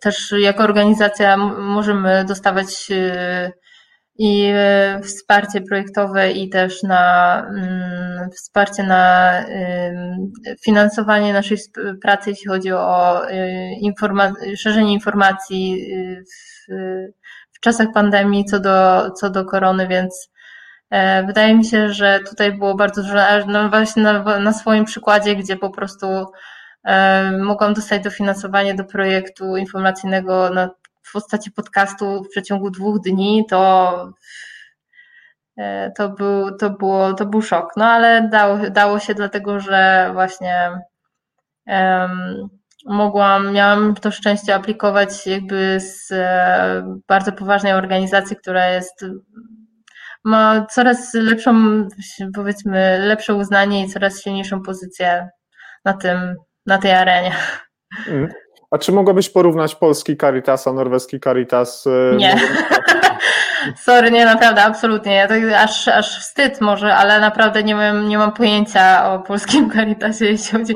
I to jest, ale pojawiają się faktycznie, pojawiają się ostatnio na spotkaniu pojawiły się głosy, że powinniśmy mieć jakąś współpracę i mam nadzieję, że to się da. Nie wiem, jak to by miało wyglądać, ale e, taki, taki pomysł jest dla mnie mm, taki dobry, wydaje mi się. Niestety, no nie wiem. Szukamy ludzi z polskiego Caritasu, niech się odezwą do nas, e, podeślemy kontakt, może w wolnej chwili uda się coś podziałać razem. E, e, no to niech to będzie zalążek do mojego no, kolejnego pytania. Mówiliśmy o klasie Kampen, mówiliśmy o języku, jak jest bardzo potrzebny, mówiliśmy o tych wszystkich działaniach, które realizowane są dla naszych y, rodaków mieszkających w Norwegii w ramach y, diagnostyki w kierunku koronawirusa i pomocy już dalszej, jeżeli ten COVID-19 zostanie mhm. określony. A jakie Natasza Bogacz ma nowe projekty y, zamiar mhm. realizować w najbliższym czasie? Podziel się troszeczkę swoimi planami, które bezpośrednio są związane z naszymi rodakami. E, tak, to chyba chodzi Ci o ten reportaż, bo faktycznie złożyliśmy też projekt reportażu o polskich pracownikach w Norwegii, którzy tutaj e, powiedzmy, że operują od 2004, a nawet e, wcześniej bo ja dostawałam takie sygnały i też z organizacji i z, jeszcze zanim w ogóle trafiłam do Caritasu, to rozmawiałam z liderką właśnie e, tego Resource Center, robiłam z nią wywiad jako dziennikarka na, na temat właśnie ich sytuacji. E, zrobiłam też wywiad z, e, z terapeutką z Blokosza, który się zajmuje właśnie osobami uzależnionymi. I one mi właśnie dały taki sygnał, że jest taka grupa, e, która powiedzmy, pracując tutaj tyle i tyle lat, ponad siły tak naprawdę, e, od, odczuwa się tak naprawdę te skutki tej ciężkiej pracy wieloletniej na, na, na swoim ciele, który w pewnym momencie może się też zdarzyć, że odmówi posłuszeństwa, pójdą plecy, czy nawet y, praca na budowie jest bardzo niebezpieczna, więc y, wypadki w pracy zdarzają się dosyć często. Niektóre są na tyle poważne, że e, kończą się e, częściową niepełnosprawnością. I teraz mm, ci ludzie, którzy są w takiej sytuacji, pierwszy raz, na przykład po 10 latach się okazało, że muszą iść do lekarza albo że coś im jest nie tak, potrzebują zwolnienia, no tutaj pojawiają się te biurokratyczne mm, wyzwania, które sprawiają też, że często przez kilka miesięcy są bez dochodu, bo muszą czekać na Sykiepęgier przez wiele, wiele tygodni, wiele miesięcy. I chcieliśmy właśnie, e, napisaliśmy taki projekt do FreeTour i faktycznie okazało się, że zostaliśmy jednym z niewielu skali w ogóle wszystkich y, aplikujących projektów, którzy dostał dofinansowanie. No i rozpoczęliśmy współpracę z Klasy Campaign, która zgodzi, zgodziły, podpisaliśmy umowę intencyjną, gdzie oni mają właśnie opublikować sześciostronicowy artykuł. Y, razem ze zdjęciami mam piękne zdjęcia z, od Julki y, Chrnicowej z Czeszki i razem właśnie próbujemy cały czas mm, znaleźć osoby, które chcą się z nami podzielić swoją historią właśnie która może przypominać tą jakby tą historię, o której teraz opowiedziałam, tego właśnie wieloletniego pracownika, który e, zmaga się z problemami zdrowotnymi, które właśnie wynikają z ciężkiej pracy. E, bo ja właśnie mam taki obraz właśnie takich ludzi, którzy złożyli tak naprawdę swoje, swoje ciało w ofierze, właśnie tak jak ty powiedziałaś, tego wzrostu PKB czy tam BNB e, w Norwegii. E, no a teraz tak naprawdę e, mają przez to dużo, dużo problemów. Też bardzo często właśnie nie są, czują się nie, niesprawiedliwie potraktowani przez system. Jeżeli faktycznie, jeżeli musisz czekać przez 4-6 miesięcy na Sykepenger, to to nie jest sprawiedliwe. To jest projekt, który zaczęłam e, dosyć długo, zanim dowiedziałam się, że będę jakby e, musiała teraz na 100% jeszcze e, pracować w Caritasie, więc to jest jakby mój czas wolny i niezależnie od Caritasu go prowadzimy ale wydaje mi się, że też jest ważny i wydaje mi się, że chcemy to zrobić naprawdę w taki bardzo gruntowny, y, ładny też wizualnie i językowo y, sposób. No i zainteresowanie jest bardzo duże tak mhm. naprawdę takimi tematami w prasie, bo no, o tym się nie mówi, to jest taki, że tak powiem, to jest taka szara strefa i my nazywamy ten projekt właśnie niewidzialni pracownicy, no bo w ogóle Polacy w Norwegii są tacy trochę niewidzialni, bo no, ubiera, no, wyglądamy tak jak Norwedzy, powiedzmy, jesteśmy biali, jesteśmy chrześcijańscy i, i właśnie między innymi dlatego jakby zakłada się, że jesteśmy zintegrowani i nie potrzebujemy, że tak powiem, żadnej tutaj pomocy w tym e, względzie. No okazuje się, że jest trochę inaczej. I do czego to może doprowadzić taki projekt, jak uważasz? Y, co może przynieść y, dobrego? Co, jakie z jakimi, czego oczekujecie od realizacji tego projektu? Oczekujemy dyskusji na ten temat. Oczekujemy właśnie, e, mamy jeden cel właśnie, to jest, to jest zwiększone, zwiększenie um, uwagi, e, skierowanie uwagi na integrację Polaków w Norwegii i tak jak i te kursy językowe, ale też to są zupełnie też inne rzeczy, inne działania. I właśnie przez jakby podnoszenie takich tematów w narodowych mediach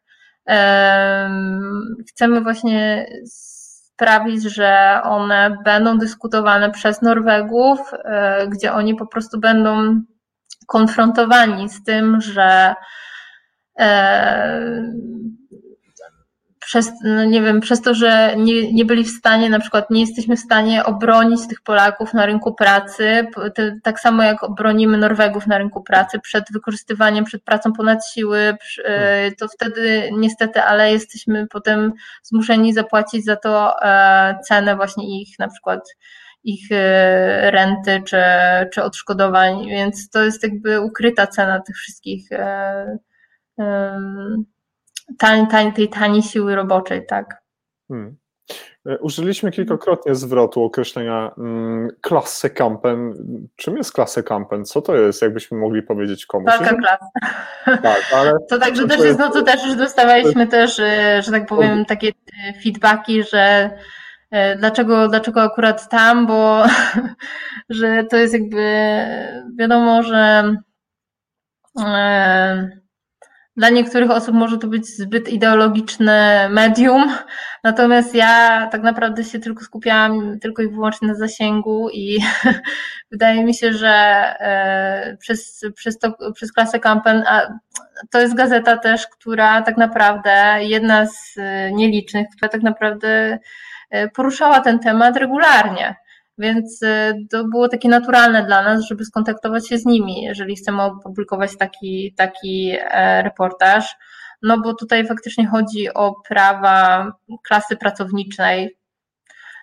Wiadomo, że w Polsce inaczej się jakby mówi o tych sprawach, nie używa się tej samej, tego samego słownictwa i to się źle kojarzy i tak dalej, natomiast Norwegii jest trochę inaczej i e, dla mnie to, że e, Klasa Kampen było, jest, jest zainteresowane i współpracuje z nami i, i, i chcą nam poświęcić e, swoje sobotnie wydanie, gdzie jest naprawdę dużo miejsca w tym magazynie dokument, więc to jest dla mnie no taka trochę, no taki dobry sygnał, dobry znak.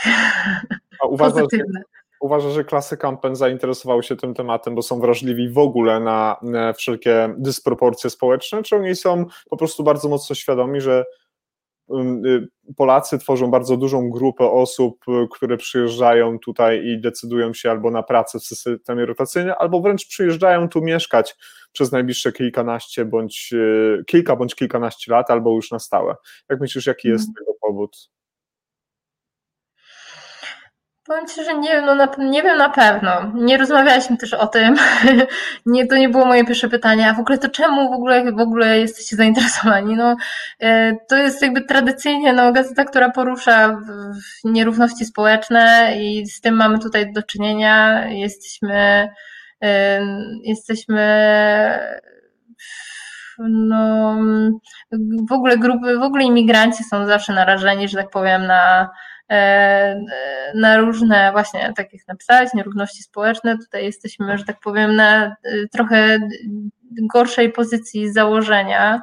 Mm, musimy się bardziej, wiadomo, starać, musimy tam, jest tam trochę, jest zawsze trudniej w nowym kraju i tak dalej, więc e, no nie wiem, wydaje mi się, że to było właśnie takie natura, oni podejmują właśnie takie tematy, więc wydaje mi się, że akurat ta gazeta, no powiedzmy tak, no, nie, płacą, nie płacą dobrze, ale mają duże zasięgi i duży prestiż. I właśnie to o to nam chodzi. Chcemy zacząć debatę. I to wydaje mi się, że to będzie taki właśnie, mam nadzieję, że to będzie taka iskra, która, y, która to rozpocznie, bo no bo na, na, na pewno będzie dużo komentarzy y, po tym, jak ten artykuł się ukaże co też y, trochę odczuwam na sobie, jeśli chodzi o poziom stresu, bo, bo jeszcze jest dużo pracy przed nami, i, e, a terminy gonią. Dlatego jeżeli, jeżeli, jeżeli ktokolwiek, kto, teraz słyszy nasz przekaz, jeszcze chciałby e, opowiedzieć o swojej, zna kogoś albo chce swoją historię opowiedzieć, może być anonimowo, to niech się ze mną skontaktuje teraz, bo, bo zaraz zamykamy budkę i, i już nie będzie można, a znaczy nie będzie można w tym, tym razem, bo mamy historię na wiele artykułów. Mam nadzieję, że to jest tylko taki jakby początek też e, całej serii, więc, e, więc o, o tym też prowadzimy rozmowy. A powiedz mi proszę Cię, mm, właśnie tak Znowu, ja wiem, że ty powiesz, że nie jesteś wirusologiem i nie oczekuję tego typu odpowiedzi okay, z punktu medycznego, ale powiedz mi, mm, czego w Norwegii z punktu widzenia naszych obywateli możemy się spodziewać mm. w 2021 roku, już przyszłym, bo to już za chwilkę dosłownie zostało nam e, kilka tygodni do tego, żebyśmy wkroczyli w nowy rok i kiedy mm. ty się zastanawiasz, analizujesz pewne rzeczy, masz dużą wiedzę zgromadzoną poprzez rozmowy między innymi z osobami, Y, jak uważasz, czego się możemy spodziewać, albo, albo może czego się obawiasz, albo, albo o czym najczęściej myślisz? Mm, no powiedzmy, że nie wiem, czy to jakoś często o tym myślę, ale wydaje mi się, że teraz jakby to będzie też taka trochę pobudka dla tych Polaków, którzy byli tutaj powiedzmy nie do końca zarejestrowani, czyli operowali z denumerem przez e, wiele, wiele lat czasami, to też będzie taki jakby sygnał, żeby się zarejestrować tutaj na stałe. Wydaje mi się, że już trochę widać też ten zwiększony ruch w, w tych w Skateta ten i w SUA, gdzie można się rejestrować. Obecnie terminy są na wiosnę przyszłego roku. Wydaje mi się też, że że sytuacja na rynku pracy nie będzie lepsza, wręcz będzie gorsza. Wydaje mi się, że ci te osoby, które do tej, do tej pory były na jakimś tam rozwiązaniu tymczasowym typu permittering, będą traciły teraz pracę. Także y, obawiamy się tego właśnie, że to może wypchnąć wiele osób, tak jak już wspominałam, na, na rynek, na czarny rynek, tą, na tą szarą strefę, przynajmniej częściowo, dlatego y, no, z naszej strony obawiam się, że to może być po prostu idealne, że tak powiem, pożywka dla, jak to się mówi w Norwegii, niepoważnych pracodawców i i że te przypadki wykorzystania na rynku pracy będą tylko, będą tylko rosły. No, można mieć tylko nadzieję, że, że to nie będzie jakiś, że to się da odwrócić dosyć szybko i że to nie będzie jakaś długotrwała sytuacja, że się wszyscy do tego po prostu nie przyzwyczają i nie przejdą do porządku dziennego. Co jeszcze? No nie wiem, nie wiem, nie mam pojęcia, czy będzie po prostu więcej tych zachorowań, czy mniej. Myślę, że wszyscy teraz tylko mówią o tym, że na wiosnę będzie szczepionka, już jest taki trochę właśnie oddech, e, trochę, e, trochę się tak rozluźniło, może wszyscy mają tą nadzieję na, na to, ale wydaje mi się, że no skutki tego będą, nawet jeżeli ta szczepionka wejdzie w, w kwietniu czy tam kiedy, to skutki ekonomiczne tego kryzysu będą, będą długotrwałe, będą naprawdę, będą z nami przez kilka ładnych lat. Hmm. Niestety. I to się będzie jakby wiadomo, że pierwsi obrywają ci, którzy są, że tak powiem, mają jakby niepewną sytuację zatrudnienia już przed koroną, więc miejmy tylko nadzieję, że będziemy w stanie im e, wszystkim pomóc jak tylko najlepiej się da i wyegzekwować ich prawa do, do, wszystkich, do wszystkich zaległych e, wynagrodzeń i tak dalej. Y, dostałem pytanie, czy możemy spodziewać się, o. dostałem pytanie, czy możemy spodziewać się, y, ale to jest też takie pytanie, które ja chciałem zadać, y, o czym żeśmy dzisiaj trochę rozmawialiśmy. Czy możemy spodziewać się nowych odcinków podcastu o koronawirusie w Norwegii? E, no, wydaje mi się, że tak. To znaczy teraz w ogóle całe, cała nasza organizacja się jakby przebranżowuje i wszystkie projekty tak naprawdę używają takich właśnie form digitalnych i jak i robimy filmiki, jak zresztą też pewnie widzieliście i e, i więcej projektów też robi podcasty, bo to teraz jakby się jest takie naturalne, że to się rozprzestrzenia i widzimy, że to też właśnie trafia do dużej publiczności i wydaje mi się, że odpowiedź na to pytanie brzmi najprawdopodobniej tak. Nie pytam kiedy, bo y, z racji ilości czasu, jakiej, jaką macie, albo jej, tego czasu mm. wręcz nie macie, to pewnie będzie to y, kłopot, ale wierzymy, że, że y, te bardzo ważne tematy dla nas, między innymi te, o których żeśmy rozmawiali dzisiaj, będą poruszane w kolejnych odcinkach i uda się jeszcze Wam zaprosić kolejne osoby, które będą dzieliły się z Wami i z nami również wiedzą, która jest bardzo, bardzo potrzebna w tych no, trudnych czasach, skomplikowanych, e, więc e, no. wszystkim tym, którzy chcą e, być na odświeżeni z wiedzą sprzed ostatnich kilku tygodni czy miesięcy, zapraszamy do, do odwiedzenia mm, strony internetowej, gdzie, gdzie podcasty przygotowane przez ekspertki Caritas Norge zostały zarejestrowane. Przypomnę tylko, że tych pytań, tych tematów było sześć. Koronawirus i Instytut Zdrowia, prawa pracowników przebywających w Norwegii, norweska Polonia w obliczu pandemii. To jest duże nawiązanie do dzisiejszego tematu spotkania. Mm. Pracownicy opieki zdrowotnej w Norwegii, jak to zmieniło mm. naszą codzienność i codzienność, codzienność naszych pacjentów. Było też pytanie, temat opracowany przez z Was związany ze zdrowiem psychicznym podczas pandemii i tutaj tego się też należy chyba spodziewać, że konsekwencje będą coraz większe w, przyszłości, a już niebawem w tym nowym roku.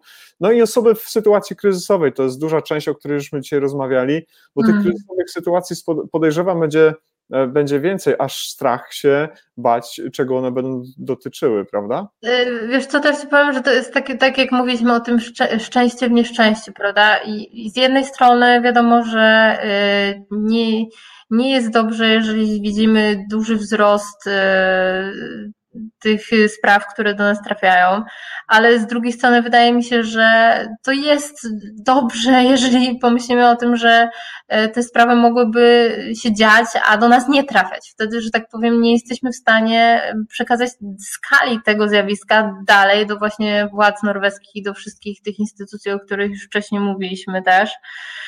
I dlatego wydaje mi się, że to jest też ta część roboty, która musi być zrobiona przez mm, samych Polaków tutaj, którzy po prostu nie mogą przejść, tak jak mówię, do porządku dziennego na tym, że, że nie dostają ferie peniar albo że ktoś im robi olbrzymie problemy, jeśli chodzi o wypłacenie sykie peniar, czy no w ogóle, w ogóle jeżeli jakiekolwiek prawa pracownicze tej grupy pracowników są łamane, bez, bezsprzecznie trzeba o tym mówić, chociażby po to właśnie, żeby naświetlać skalę tego problemu, bo ona jest duża, ale jest nieznana.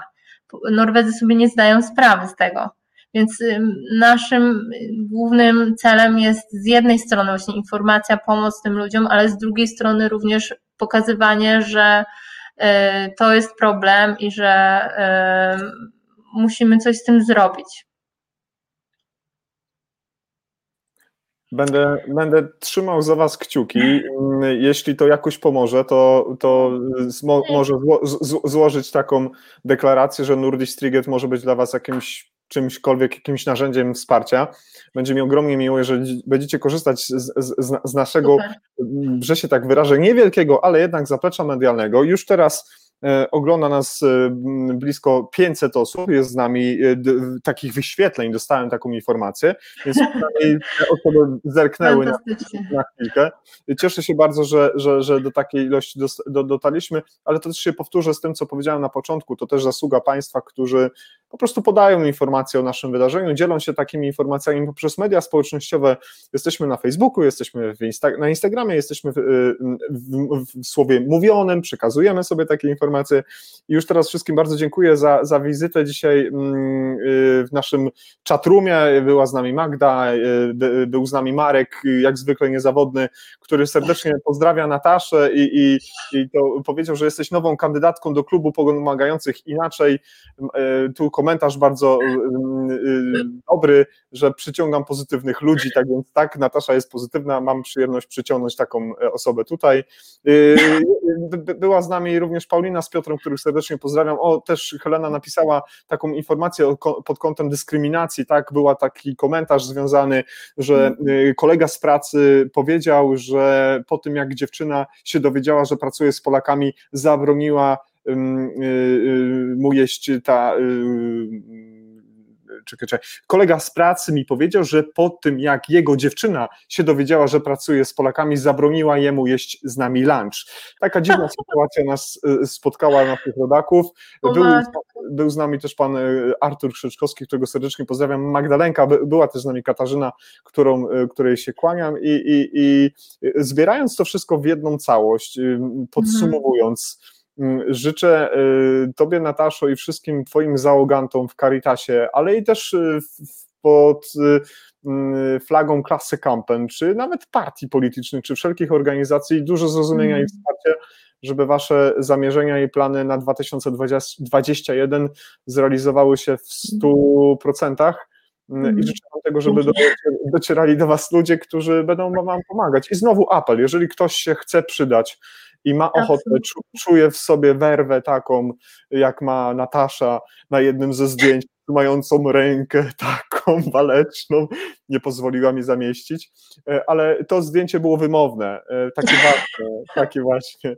I, i, i podsumujmy nasze dzisiejsze spotkanie, Nataszo, kilka hmm. słów y, mm, z Twojej strony y, do wszystkich w kilku zdaniach. Okej, okay. no hmm, jak mógł to podsumować? Mam nadzieję, że czegoś się dowiedzieliście. E, przede wszystkim mam nadzieję, że dowiedzieliście się e, o tym, że można dzwonić do Caritasu i się pytać o wszystkie takie rzeczy, jeżeli jesteście E, niepewni co do tego, czy Wasza umowa o pracę wygląda tak, jak powinna wyglądać, to jest y, również kwestia wysłania e, maila do, do Caritasu. E, no i też mam nadzieję, że takie, jest, będzie trochę też pozytywny wydźwięk tego, co ja zauważam, że rośnie nam takie, powiedzmy, nowe pokolenie Polaków Norwegii, którzy E, mówią płynnie po norwesku i są tutaj wiele, wiele lat i powiedzmy, że mają taką ugruntowaną pozycję również właśnie w, i w organizacjach, i w związkach, i w różnych innych miejscach, gdzie te decyzje powoli, powoli zapadają i że właśnie